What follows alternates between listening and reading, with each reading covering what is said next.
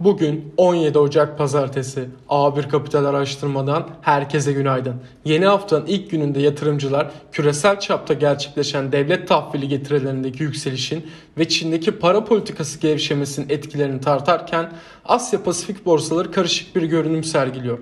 Güney Asya bölgesinde gelen önemli haberlerle başladık. Çin Merkez Bankası büyümede ivme kaybının gölgesinde neredeyse 2 yılın ilk faiz indirimini gerçekleştirdi. Banka büyüme verisinin gelmesinden kısa bir süre önce 1 yıllık kredi faizini ve 7 günlük ters repo faizini 10'ar bas puan düşürdü.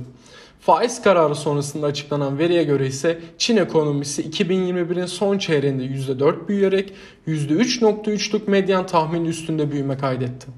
Bu haftanın gündeminde ise Salı günü Japonya Merkez Bankası para politikası kararı, ECB'nin ve TCBM'nin faiz kararı en önemli veri seti olarak dikkat çekiyor. Güne pozitif başlangıç yapmasını beklediğimiz BIST endeksinde Cuma günü banka hisseleri üzerinde güçlenen alımları olumlu karşılıyoruz. Banka hisselerinde gördüğümüz bu güçlenmenin hafta boyunca endeksin geneline yayıldığını görebiliriz. Dolayısıyla 2100 ve 2150 seviyelerini ilk ara dirençler olarak takip etmeyi ve yükseliş trendinin kanal desteği konumunda olan 2050 seviyesi kırılmadıkça da ana trendte bir bozulma beklemiyoruz. Herkese iyi seanslar, bol kazançlar.